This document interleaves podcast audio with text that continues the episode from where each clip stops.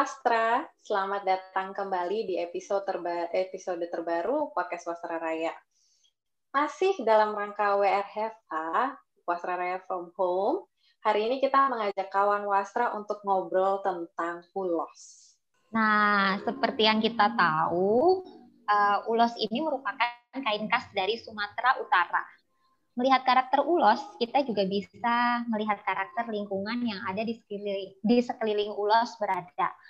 Uh, yang menarik adalah kalau kawan wastra membaca sekilas tentang wastra ini, uh, ulos pada mulanya dibuat sebagai penghangat, penghangat tubuh.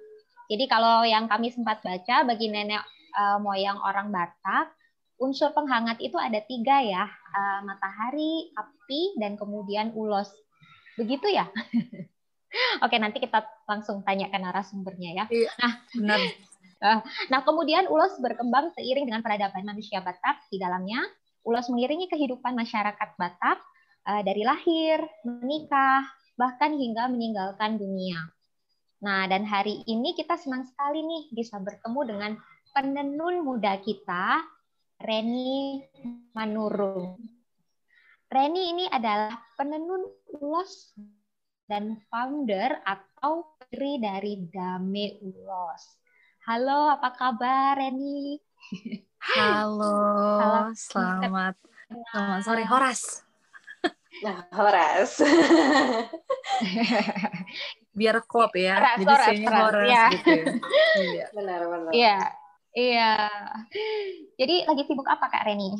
Uh, seperti biasa saya selalu menenun setiap hari dan diselingi dengan jualan pastinya dan sambil-sambil uh, mengkontrol teman-teman penenun muda juga untuk revitalisasi seperti itulah sekarang ini di masa pandemik. Jualannya seru banget loh, uh, Reni ini kalau lagi oh. live di Instagram sama Facebook di itu banget langsung banyak yang ini langsung banyak yang booking booking gitu seru banget.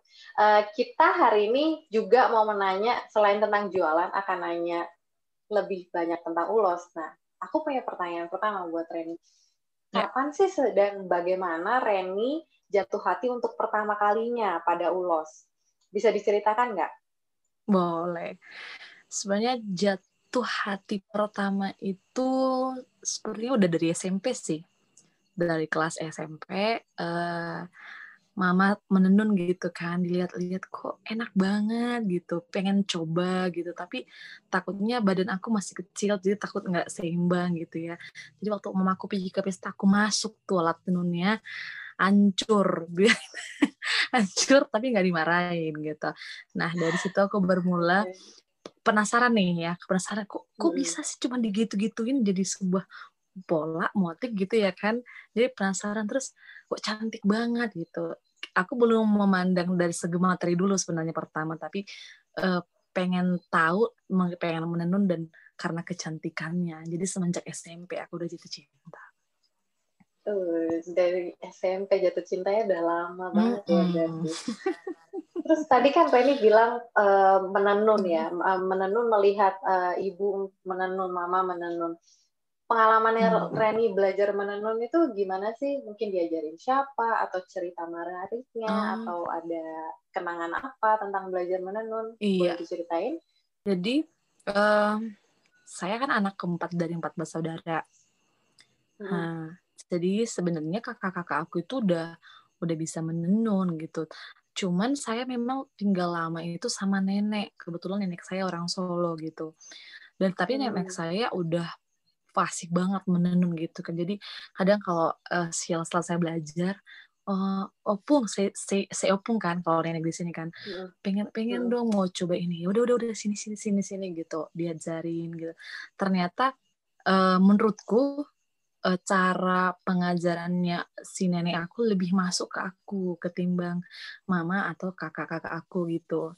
Dan aku hmm. lama tinggal mulai dari SD sampai aku kuliah itu tinggal sama opung sebenarnya walaupun hmm. rumah mama sama opung itu uh, berdekatan boleh jalan kaki gitu ya kan. Cuman aku udah sering mendampingi sama sama uh, opung gitu. Dan uh, yang pasti lama banget belajarnya nggak langsung belajar satu bulan langsung bisa enggak. Tidak ada yang bisa seperti itu. ada tahap-tahapnya nih menggulung benang itu berapa lama sih sampai bisa membentuk bola misalnya. Kemudian uh, cara untuk uh, menyisir benang cara untuk menjiwai benang itu ada tahapannya dan aku rasa seperti sekolah sih seperti sekolah dan aku pasif itu di uh, bangku SMA Hmm, hmm. di bangku SMA aku benar-benar sudah menguasai semua tekniknya dan hmm. ibarat kata kalau ditinggalin udah bisa gitu, udah udah bisa hmm. ngehandle gitu. Dan dan itu kan bertahun kan ya. Dan ternyata hmm. menenun itu nggak cukup cuman dipraktekin, tapi mesti banyak melihat. Jadi ketika kita melihat di situ aku belajar, oh ternyata yang aku buat tadi itu salah. Oh iya gitu ya kan? Karena dulu nggak ada sumber kan yang yang yang lihat cuman yang di depan mata gitu. Oke okay, gitu. Terus kadang kalau ih kok salah ya? gitu. Tapi terkadang dalam teknik menenun bisa kita temukan uh, cara baru untuk mengelasinya itu uniknya dalam bertenun makanya kan uh, ulos itu sekarang udah dimasukkan sebagai warisan tak benda kan seperti itu. Karena karena kan dari uh, apa sih namanya dari hati pikiran ilmu yang ada di otak dicurahkan dalam sebuah kain seperti itu kan. Dan itu memang sangat menarik. Jadi nggak ada standarisasi dalam hal menenun saya rasa. Karena sampai sekarang kalau kita ngobrol sama teman-teman penenun eh aku udah temukan loh uh, salah satu rumus baru supaya bisa seperti ini. Hah? Kok bisa? Gitu kan Nah, itu itu itu itulah hal tak bendanya itu gitu. Dan itu uh, benar-benar hanya bisa ditemukan oleh penenun yang sudah punya hati gitu ya, bukan hanya uh, ekonomi yang dia raih tapi sudah punya chemistry, passion gitu. Jadi dari segi teknis saja kita mikirinnya tuh kadang kan oh kalau menenun tuh begini gitu. E, kirain tuh mm -hmm. akan begitu terus gitu loh. Ternyata masih akan ada perkembangannya juga ya yeah. ketika misalnya yeah, para penenun itu eksplorasi sendiri kayak gitu tuh yeah. akan akan menemukan rumus-rumus baru lagi ya. Itu menarik banget sih. Kalau ceritanya Reni gimana? Ah, sampai akhirnya Reni mau serius menggarap ulos ini gitu semacam menjadikan ini menjadi bahan revitalisasi sebagai panggilan hidup itu gimana ceritanya? Ceritanya itu setelah aku di bangku kuliah sebenarnya. Di situ, di situ mulainya. Jadi tahun 2012 biasa dong anak kos kan makan apa aja gitu dan kadang kalau macet uh, penjualan tenun dari kampung ya nggak nggak bisa ngapa-ngapain gitu terus aku mikir ini ini gimana caranya ya gitu ya kan. Uh, karena aku masih berpikir aku nggak mau jadi penenun sebenarnya. Jujur nih nggak okay. lebih sama Kiki. Saya nggak pernah bermimpi menjadi seorang penenun karena dulu paradigma saya perspektif saya seorang penenun yaitu sebuah profesi yang cukup rendah for me. Dan mungkin untuk para pemuda itu masih berlaku kalau memang hanya untuk penenun ya ngapain sekolah ngapain kuliah gitu sampainya sebegitu kan. Terus ini aku belum ketemu Sandra sebenarnya. Jadi uh, seiring waktu karena macet keuangan gua aku kembali ke kampung aku temukan lah apa masalah sebenarnya. Oke okay, ternyata yang kami tenun sekarang itu udah amburadul motifnya bukan kayak yang di belakang aku lagi misalnya gitu kan Hmm. Oke, okay, tapi aku belajar sama siapa? Aku mau merevitalisasi sama siapa gitu. Saya nggak tahu, nggak kenal sama siapa, nggak tahu belajar sama siapa. Ya, aku belajar sama Mbah Google jadinya kan. Aku coba-coba cek uh, istilah revitalisasi, muncullah beberapa nama-nama banyak banget ada desainer, ada toko-toko pegiat ulos. Tapi entah kenapa aku langsung uh, dapet uh, uh, apa sih namanya kayak uh, connect gitu sama Sandra gitu. Hmm walaupun sebenarnya dia bukan ke warga negara Indonesia gitu ya kan. Dia kan di Belanda gitu. Tapi ya udah bodo amat. Jadi aku kontak beliau via Facebook gitu. Dan uh, hubunganku dengan dia itu lama banget supaya bisa deket. Kita kayak aku kayak PDKT kayak pacaran jadinya gitu. Dan iya karena uh, butuh butuh butuh chatting yang luar biasa dengan beliau meyakinkan beliau bahwa saya punya niat. Karena mungkin saya nggak tahu mungkin banyak yang PHP atau yang main-main kan kita nggak tahu saya nggak bisa ngechat jadi mungkin ah ini orang entah yang sama gitu. Cuman saya bilang gini saya tantang minta dong beberapa foto-foto yang lama yang dulu. Nah saya kapannya namboru kan karena dia udah hmm. dikasih boru Huta Barat. Terus dia bilang oke okay, saya kirim ke email kamu. Gitu. Hmm. terus setelah dia kirim ke email aku aku lihat kini kayaknya bisa deh gue buat gitu ya kan. Bisa lah ini tekniknya gue gue bisa gitu. Ya udah tanpa aku kasih sama Sandra langsung aku buat. Itu the first hmm. tahun 2000 uh, 2016 kalau saya nggak salah saya kasih ke dia nih foto jadinya dari foto sama replikanya yang udah jadi sekarang.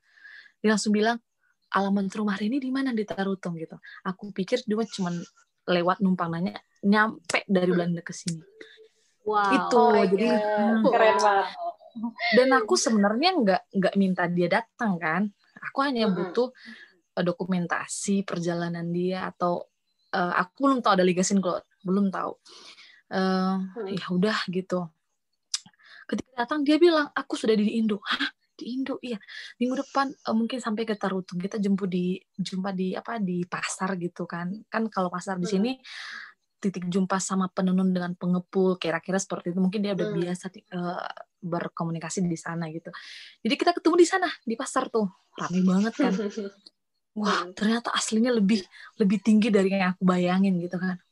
Wah hmm. ternyata beda gitu. Just, terus kita bicara banyak dia datang ke aku punya kios kecil sama kakak di pasar gitu dia ngobrol ah ini koleksi orang Reni gitu kan dia ngobrol oke okay, oke okay, gitu dia ngobrol uh, lumayan lama sih ngobrolnya. Terus uh, dia bilang sebenarnya sebelum Reni, saya udah pernah kasih buku Legacy Include ke beberapa penjual sih, tapi mereka nggak pernah pakai.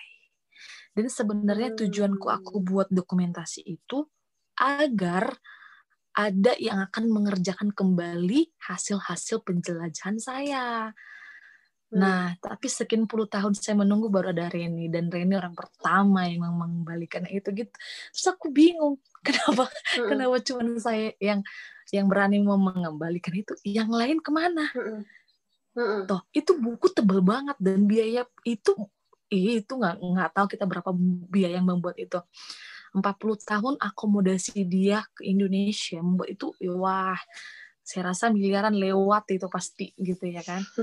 Tapi kenapa nggak ada yang mengapresiasi dalam dalam arti merevitalisasi ya, bukan apresiasi yang lain dulu, tapi apresiasi menghidupkan kembali aja dulu dari dokumentasi foto-foto di itu gitu. Tapi satu orang pun nggak ada yang bisa. Mungkin dipandang kuno kali ya. Satu terus ya nggak penting gitu. Toh kalau memang dibuat siapa yang beli, terus dampak ke depannya nggak ada itu itu yang memang belum sampai pemikiran orang-orang di sini gitu. Tapi kalau Reni memandangnya enggak, justru karena udah hilang lah yang kemarin, kalau dibangkitin lagi kayaknya fresh gitu. Karena udah banyak banget tuh yang nggak kenal kan dan sama sekali juga uh, jadi barang langka sebenarnya. Dan juga kan banyak banyak banget sebenarnya kolektor-kolektor yang udah membeli dan kita nggak bisa lagi melihat yang dulu gitu ya kalau sebatas revitalisasi itulah ceritanya sedikit dulu. Jadi bahkan buat Reni sendiri itu susah untuk menemukan informasi yang cukup ya, ya tentang hmm. tentang si, si ulos ini gitu. Hmm. Uh, dengan konteksnya si Reni Reni dan keluarga itu memang keluarga penenun yang ya. yang nggak cuma jualan aja tapi memang menenun gitu ya. Iya. Dan itu masih hmm. harus menemukan sumber lainnya lagi untuk bisa eksplorasi lebih dalam tentang ulos. Yeah. Sesu, sesulit itu gitu. Nah, ini menarik karena mungkin teman-teman atau kawan wastra sekalian masih ada yang belum tahu siapa yang disebut tadi sama Reni. Yang disebut sama Reni itu tadi Sandra Nielsen adalah seorang antropolog yang fokusnya memang uh, mempelajari tentang ulos ya. Makanya tadi Reni sempat yeah. cerita legacy legacy of clothes ya judul Legacy bukunya in ya. Cloud, ya. Yeah. Oh, Legacy, Legacy in, Cloud. ini adalah hasil dari perjalanan uh, Sandra ini untuk mendokumentasikan ulos puluhan tahun, 30 40-an tahun ya selama ini. Iya, benar. Gitu. Nah, itu uh, kan tentang membicarakan lagi tentang si bukunya Sandra. uh, saya sempat baca tentang bukunya Sandra ini uh, bahwa Sandra menceritakan bahwa akhirnya Sandra memutuskan untuk menerbitkan buku ini juga karena ada urgensi bahwa uh, adanya perubahan sangat besar pada perkembangan penenun ulos gitu. Jadi right, si Sandra buru-buru untuk mengeluarkan ini supaya jangan sampai pengetahuan tentang ulos ini hilang dan ada semacam perkembangan perubahan perkembangan yang um, sangat uh, memprihatinkan lah bisa dibilang seperti itu ya. Nah sebenarnya ya. keadaan ulos itu gimana sih sekarang? Uh, sejak aku SD mungkin itulah ya mungkin ingatan masih udah masih fresh sudah tahu lah melihat yang mana benar dan ini. Aku SD pun aku nggak melihat lagi ulos yang original. Original itu gimana? 90-an hmm. original dalam arti uh, motif yang sesungguhnya gitu yang nggak dimodifikasi gitu. Hmm. dalam artian tahun 90-an aja aku lahir itu udah ganti itu hmm. bukan bukan bermotif ulos lagi udah adopsi dari Palembang sedikit Melayu sedikit dicomot-comot gitu dicampur-campur adukin gitu. Nah jadi uh, aku lahir pun saya nggak lihat lagi gitu. Padahal ceritanya dulu di daerah ini dibagi-bagi tuh. Misalnya daerah ini penenun ulus ragido daerah ini penenun ulus gendongan ini gini. Nggak ada lagi. Katanya itu berubah kata kalau menurut Sandra ya saya dengar cerita dia itu uh, pertama sekali akibat maraknya pernikahan uh, orang Batak memakai songket Palembang awalnya. Jadi ketika mereka memakai itu, mereka berpikir kenapa kita nggak buat sebuah uh, model-model songket bermotif-motif di macam-macamnya. Jadi kita nggak pakai uh, adat yang lain lagi. Dan mereka meninggalkan ulos itu los yang yang yang sehela itu mereka tinggalin karena menurut mereka uh, ekonomi bak bakalan uh, lebih enak dilirik karena bakalan banyak nanti orang Batak yang membeli ini gitu. Jadi kebutuhannya bukan hanya untuk istiadat, bisa untuk fashion. Kayak gitu.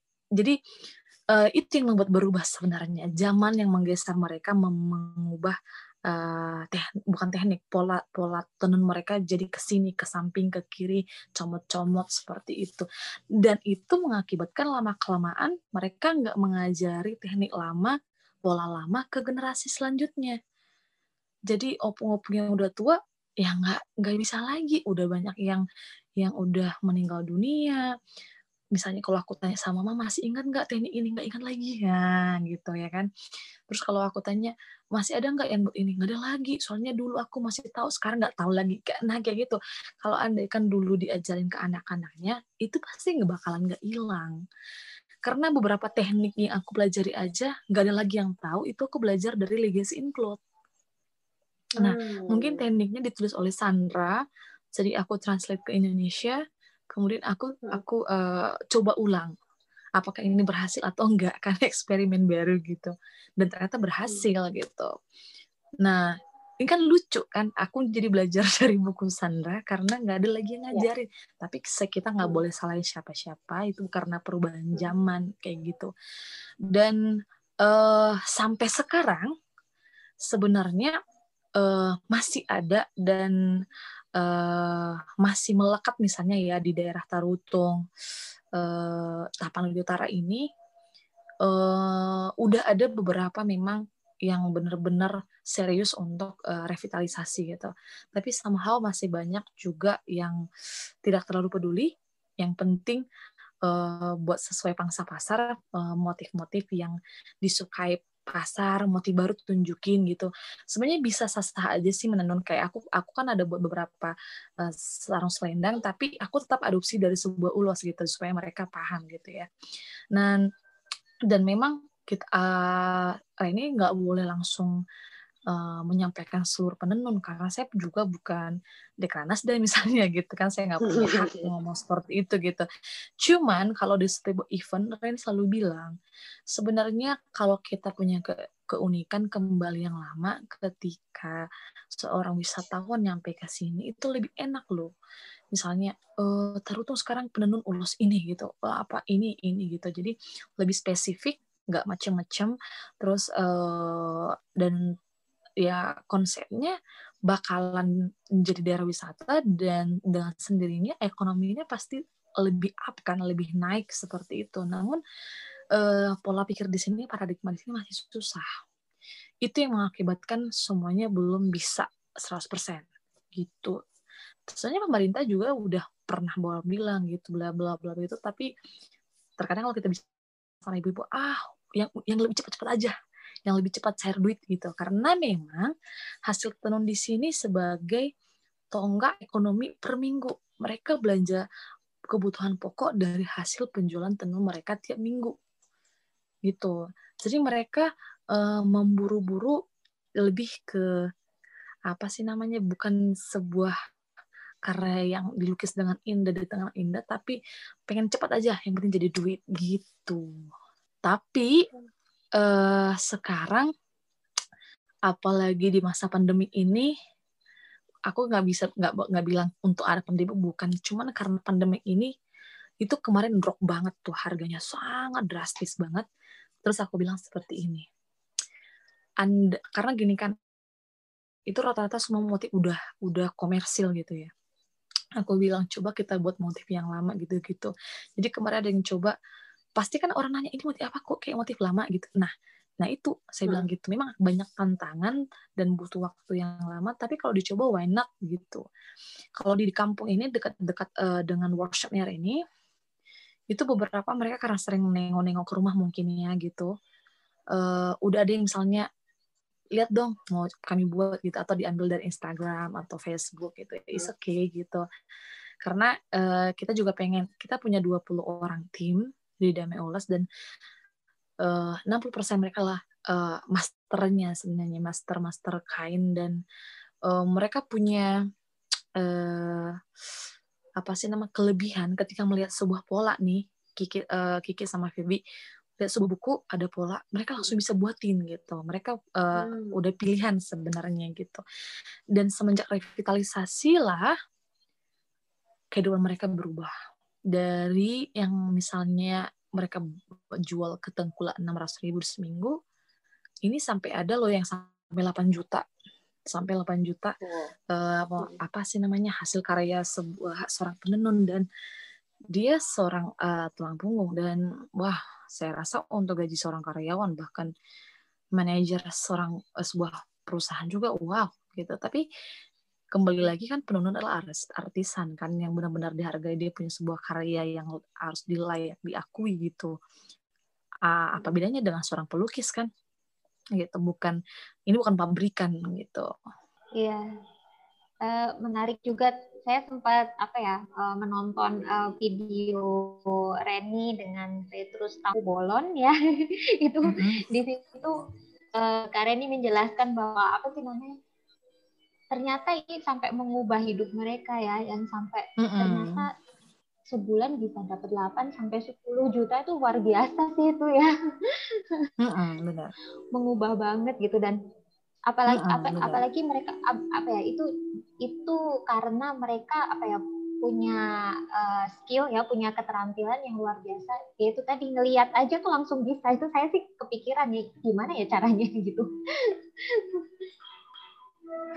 iya benar okay. dan uh, apa sih namanya saya nggak tahu dapat ilham dari mana sih kalau penenun-penenun yang kita bina itu pokoknya tiba-tiba bisa bisa bisa gitu mungkin karena udah udah punya udah dapat passionnya mungkin ya gitu kali ya iya hmm.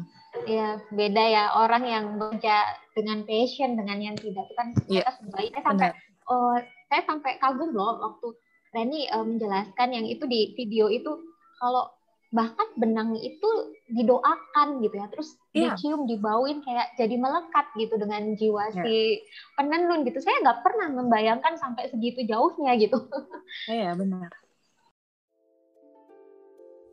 Kawan Wastra, itu tadi obrolan kita tentang ulos bersama Reni Manurung. Kita sudah berkenalan dengan ulos di bagian pertama ini. Di bagian kedua nanti, kita akan membicarakan tentang seberapa pentingnya ulos di masa sekarang. Nantikan episode selanjutnya ya. Salam Wastra Raya untuk Indonesia Raya.